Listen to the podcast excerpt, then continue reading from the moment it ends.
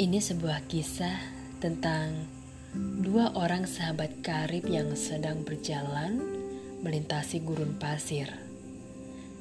Di tengah perjalanan, mereka bertengkar dan salah seorang menampar temannya. Orang yang kena tampar merasa sakit hati, tapi dengan tanpa berkata-kata, dia menulis di atas pasir Hari ini sahabat terbaikku menampar pipiku.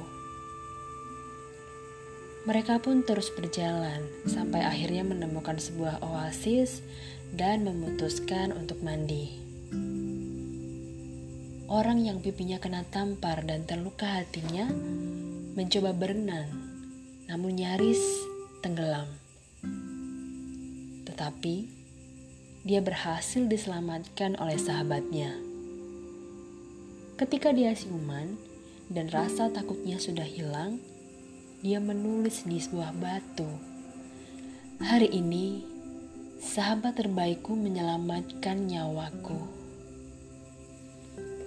Orang yang menolong dan menampar sahabatnya tadi bertanya, "Kenapa setelah saya melukai hatimu, kau menulisnya di atas pasir, dan sekarang kau menuliskan hal itu di atas batu?"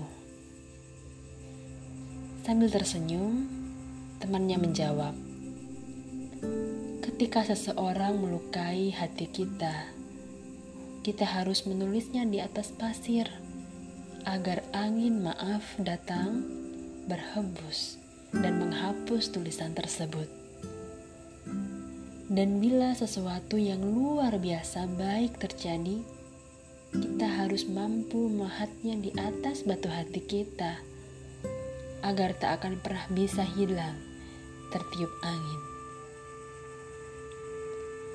Ada satu kisah inspiratif tentang maafkan lainnya.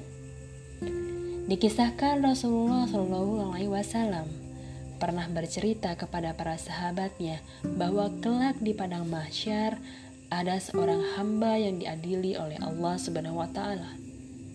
Kemudian Allah memerintahkan para malaikat untuk menimbang seluruh amalannya selama hidup di dunia.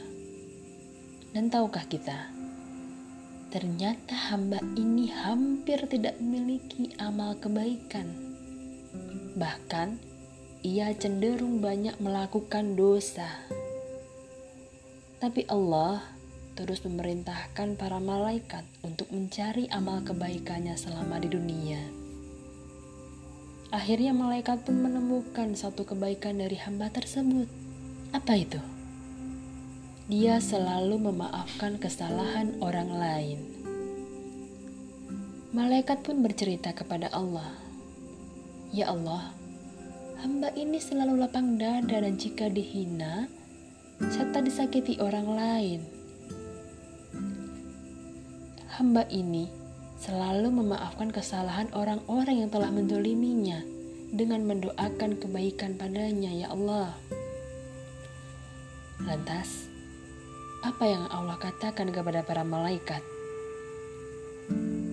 Masukkan hambaku ini ke surga, karena aku telah memaafkan semua dosa-dosanya sebagaimana ia telah memaafkan semua kesalahan saudaranya.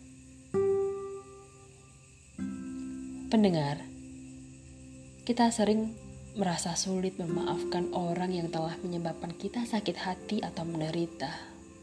Memang, itu bukan perkara yang mudah. Tetapi sesungguhnya, memaafkan bukanlah untuk semata-mata kepentingan mereka yang bersalah kepada kita, melainkan juga untuk kebaikan diri kita sendiri. Kata maaf memang tidak akan membuat yang terlambat jadi tepat waktu. Kata maaf juga tidak akan membuat yang terlanjur tersakiti menjadi pulih hatinya.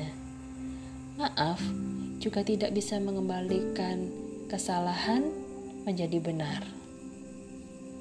Tetapi dengan memaafkan, kita akan merasakan hidup penuh kedamaian. Tuhan pun menjamin itu. Terima kasih sudah mendengarkan. Sampai jumpa di podcast berikutnya.